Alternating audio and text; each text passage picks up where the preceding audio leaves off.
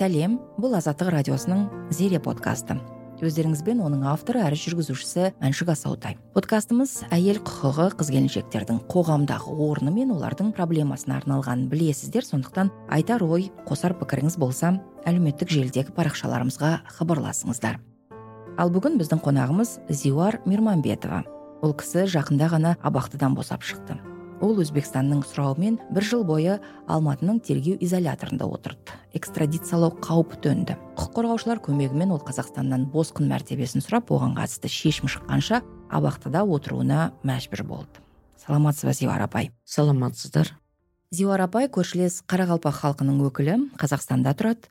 Естеріңізде болса былтыр яғни 2022 жылдың шілдесінде қарақалпақстан астанасы нүкіс қаласында ташкент билігі өзбекстан конституциясын өзгертіп қарақалпақстанды егемендігінен айыруды ұсынған.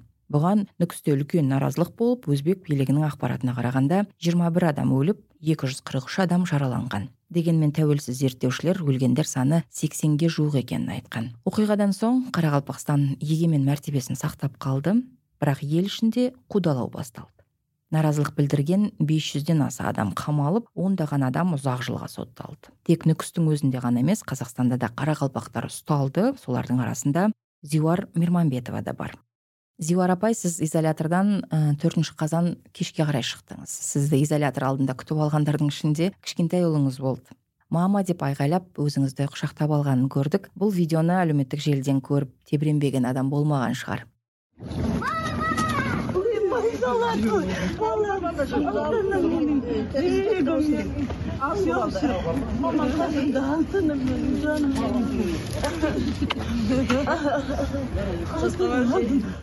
Осы ретте айтыңызшы апай бір жылдан соң ұлыңызбен кездесер кезде қандай сезімде болдыңыз?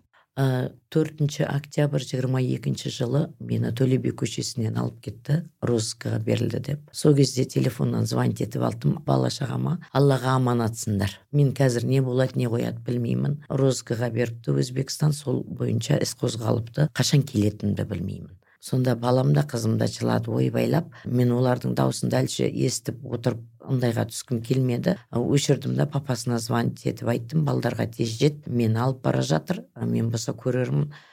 Ана батыр болса бала батыр болады дейді. Балдарымды батырлыққа салып тәрбиеледім үйреттім десем де болады. Мен жоқта әрбір қиындыққа мойынсынбауын өз пайларын өзі алып жүрулерін кішкентай болса да құлақтарына құйып айтқанмын. Бір шетім алла қолдасын дедім. Бір шетім өз елі ғой қазақ елі ғой қатты қиналып жатса бір қазаққа барып анашым шындықты айтты ғой түрмеде қазір маған қатты көмек керек деп айтқанда көмек береді ғой өз елінде жүр. Басқа елдің қол астында емес егемен елі бар өзінің бір кең пейіл қазақ халқы бар балдарымды жылатпайды деп өзімді жұбаттым.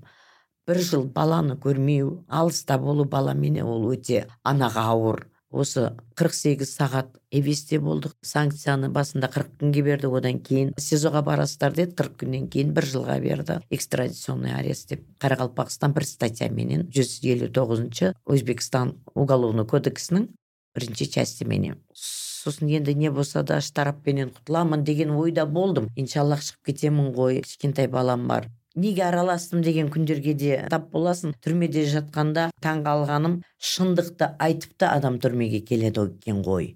Алғаным жоқ жегенім жоқ істеген бір ауыр қылмысым жоқ. Мен даже ол қарақалпақстанда болып жатқан митингтің кезінде мен алматы қаласында болдым қазақстанда болдым. Денсаулықтан құлжырайсың балдарыңды ойлағанда давлениең көтеріліп кетеді әрбір әйелде болып жатады истерика етіп қайта қайта давлением көтеріліп қайта қайта областной больницаға барып көрініп сондай жағдайлар болды енді қиналдық. Сіздің ұлыңыз тоғыз жаста қызыңыз қанша жаста? Он алтыға толды. Енді былтыр төртінші қазанда қамауға алындыңыз биыл төртінші қазанда босап шықтыңыз. Иә. Сізге босатылады деп айтқанда қандай сезімде болдыңыз? Мен екі күн күттім. Шығу керек деген мен күнде қағазыма қарап отырмын. Ә, сағатты күттім. Хотя бы бір екі сағат болса да ертерек жіберсе ғой баламды мектептен өзім күтіп алсам ғой сюрприз жасап баламмен шығып келдім ғой мектептен өзім алып қайтсам ғой деген нелер болды. Бірақ өкінішке орай кешкі сағат жеті жарымда мені қамауға алған уақытында кешкі сағат жеті жарымда шығарды. Ұлыңыз не деді не сұрады сізден не айтты ең алдымен? Анашым алдымда аман болшы деді. Мен анасы жоқ адамдарды бұрын түсінбеуші едім.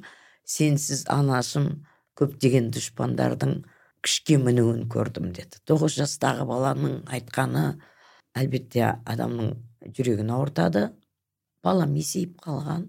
Бұрынғыдай еркелігі жоқ. Жоқты барды андай қылып көңіліме қарап қалған қазірдің өзінде қасымнан шықпайды.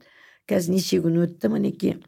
Енді бір жыл бойы ұлыңызға қызыңызға кім қарады? Өздері менен өздері туыстарым барып тұрды. Келіп тұрған үйге хабар алып енді олардың да бала шағасы бар әркімнің жұмыс жайлы несі. Бірақ основной со менен үлкен әпкем бар менен кішкене сіңлім бар інілерім бар. Барып жағдайларынан хабар алып тұрған бірақ бірге тұрмаған қызым ұлым жолдасым үшеу ғана. Өз қотырын өз қасиды дейді ғой сол әрбір қиыншылықты да әрбір уайымды да әрбір қуанышты күндерді де өздері бірақ қызым да айтады ұлым да айтады.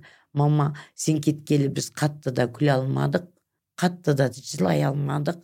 Саратанның ыстығының өзінде үй суық болды.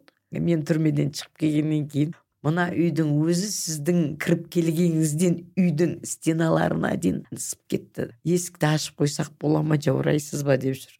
Қызым да ұлым да. Ананың жүректен беретін әрбір балаға беретін жылулығы оказывается шаңырағымызды ыстады екен. Біз оны байқамайды екенбіз. Әрбір ана өзінің бала шағасының қасында болса екен деймін. Сосын үш жүз елу төрт жүз әйелі отырдық қой түрмеде. Осы әйелдерге машиналарда жүреді ғой жаңағы. Қай жерде жүргенін білетін gps дейміз иә? Әйелдерге де сондай браслет кигізсін әйелдерді балдардың қасына жіберсін. Тюрьма не исправить женщину. Наоборот жестокий етіп жібереді олар еш жерден ешқандай жәрдем болмағаннан кейін жүректері тасқа айланып кетеді. Ходяшкалар деп айтады екен. Например қайта қайта түрмеге келіп қылмыс істеген әйелдердің бізбенен олардың арасында спаменджер парақ бар. Олардың жүрегі қатал сөзі қатал көздерінде ешқандай аянышшылық деген ондай заттарды байқамады. Олар аңға шыққан арыстан сияқты. Қатыгез ба? Қатыгез. Өте қатыгез болып кеткен соның үшін әйелдерді қамаудың қажеті жоқ. Статьясына байланысты разноцветный браслет кигізсін де балдардың қасында жүрсін. Ал адамдар сол браслетке қарап қорғанған болар еді. Жылаған бала азаяр еді ауырған бала азаяр еді. Анасы болмағаннан кейін үйде қалған балдарда әртүрлі жағдайлар болып жатыр иә. Жас балдарымыз тез қылмыстық іске барып жатыр. Себебі бақылайтын ана жоқ. Сизода сіз тек адвокатпен ғана кездесесіз ал жаңағы балалармен кездесу болған жоқ па? Балдарымменен кездесуге ешкім рұқсат берген жоқ. Негізі қазақстанның кодексында бес жүз сексен тоғызыншы статьяменен туыстарыменен экстрадиция уақытында бала шағаларыменен көрісуге болады. Өкінішке орай маған тек күйеуім ғана келіп тұрды. Неге екен мен себебін білмеймін. Прокурорға да жаздым генеральный прокуратураға жаздым. Тек күйеуіме ғана рұқсат берілді. Сізді бір жыл қамап ұстайтындай сіз не бүлдірдіңіз? Жалпы оқырманға түсінікті болсын өзіңіз айтып кетіңізші. Мен осы қарақалпақстанның егемен мемлекет болуын қаладым. Өзіміздің конституцияда жазылған әрбір статьяның өз күшіменен қалуын соны ғана айттым. Қарақалпақстанда болып жатырған оккупацияны айтылды. Свобода слованың жоқтығы айтылды. Сөз бостандығының сөз бостандығының жоқтығы айтылды.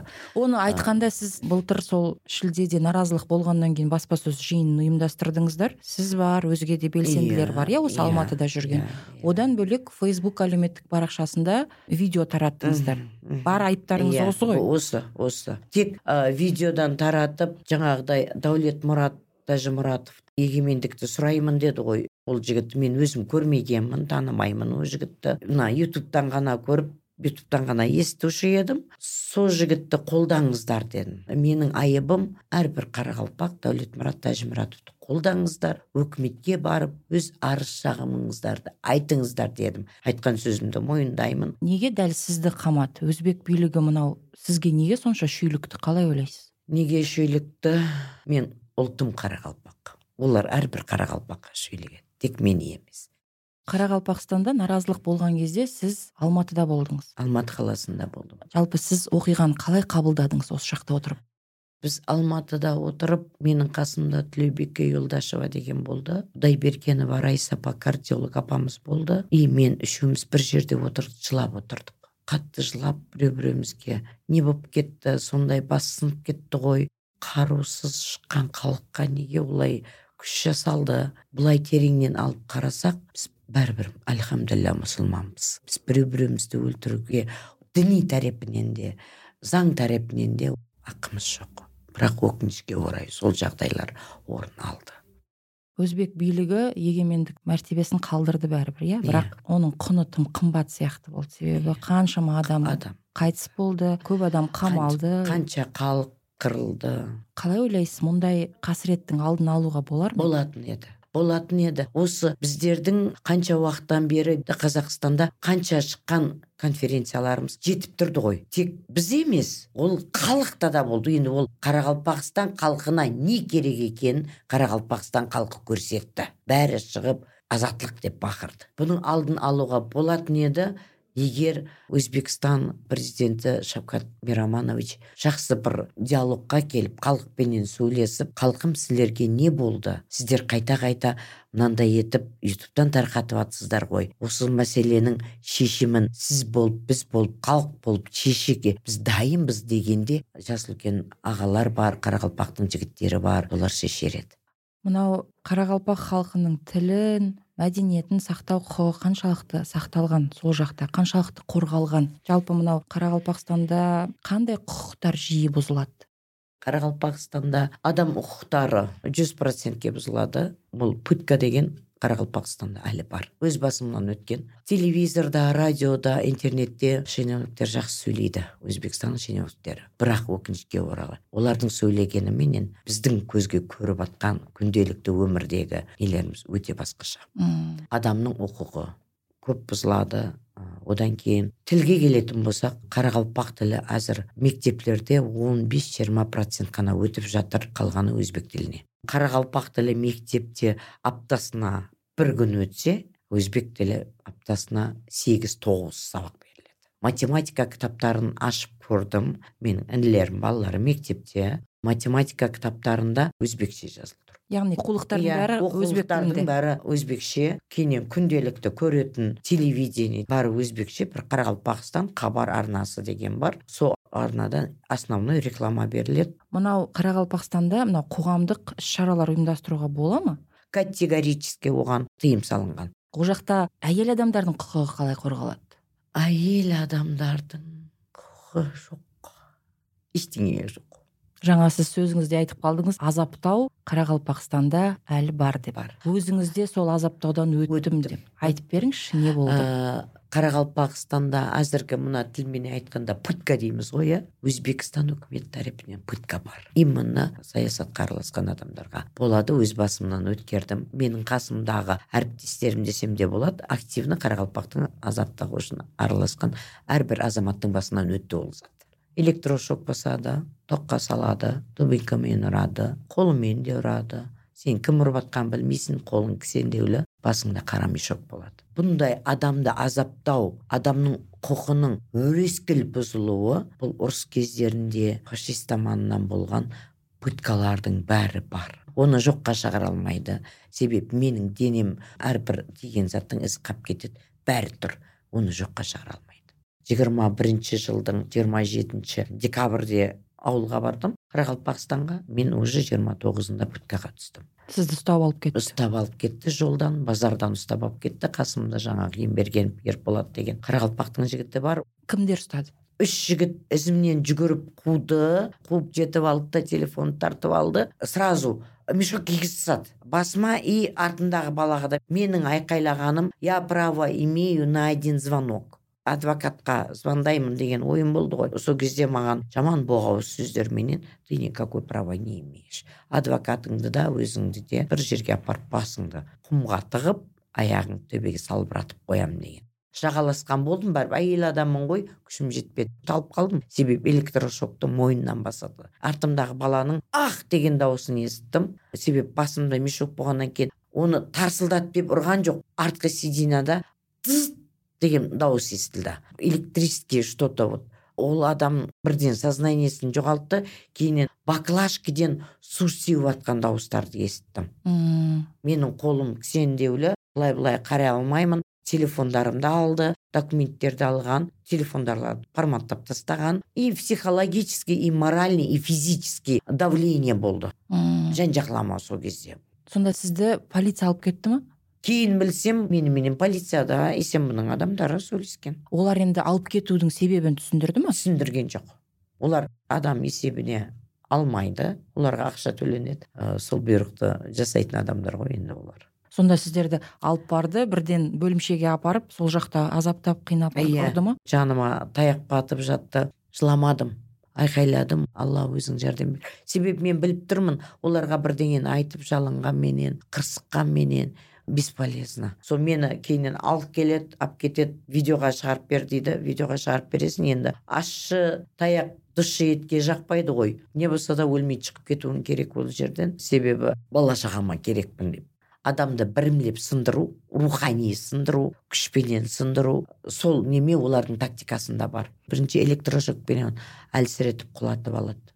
Дубинкамен ұрады аяғымен теуеді. Әйел адам екеніңізге қарамайды жоқ. Өздері айтты біз әйел еркек деп отырмаймыз сондағы талаптары не болды олардың? Талаптары қарақалпақстанның азат мемлекет болсын деп сұрамайсың еш жерге интервью бермейсің журналистерменен хабарға шықпайсың бюро по правам человекаға да бармайсың. Талаптары сол. Басқа балдарды ұсталды ғой. Ұрып жатты мен үш күнге дейін видео шығарып бермеймін дегенмін негізі. Не болса да басқа түскенді көнейін дедім. Бірақ шырылдап жатқан қарақалпақтың жігіттерінің дауысы басқа комнатада естіліп жатты таяқтар. Сосын мен айқайлап шақырдым. Мен видео шығарып берем балдарды жіберіңдерші пожалуйста мына балдарда жазық жоқ. Бұлар қарақалпақ болған үшін ұрып жатсыңдар ма?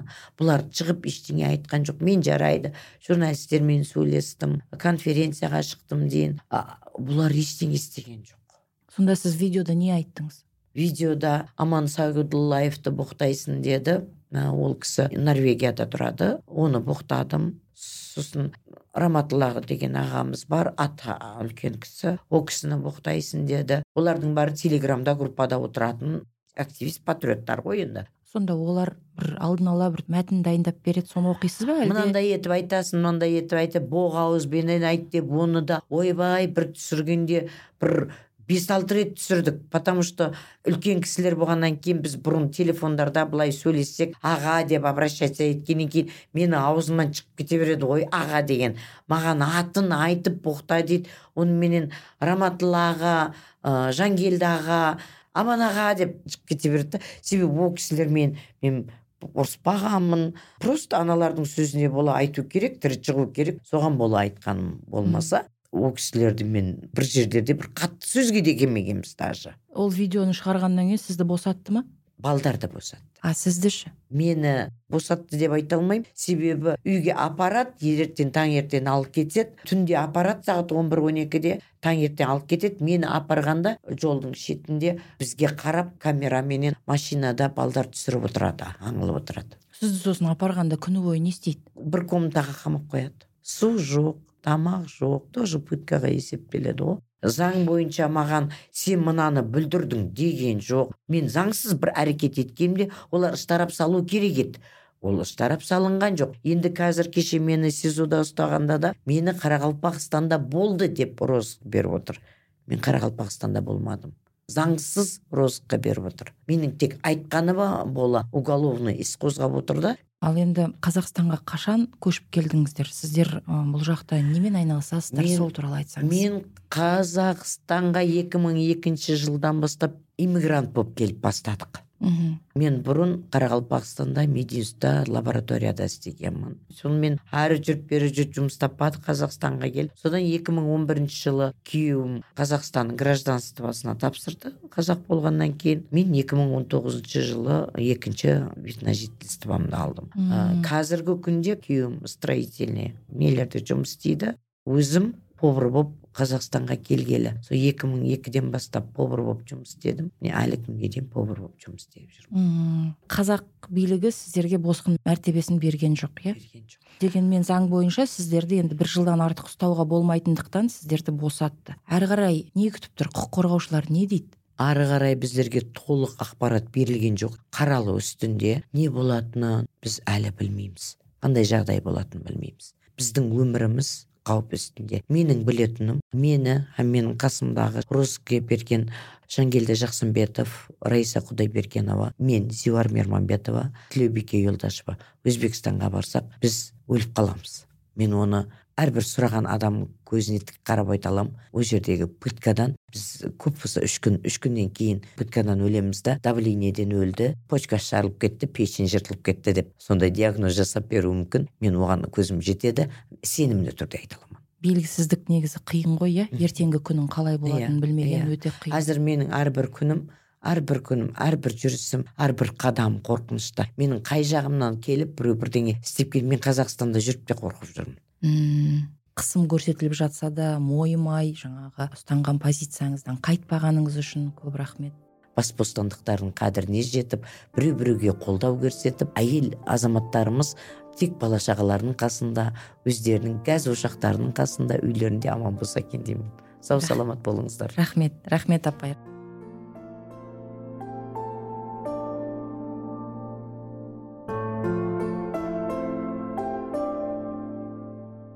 Ал қымбатты тыңдарман осымен бүгінгі эпизодымыз тәмам. Әдеттегідей бізді барлық подкаст платформалардан тыңдай аласыздар. Сау болыңыздар.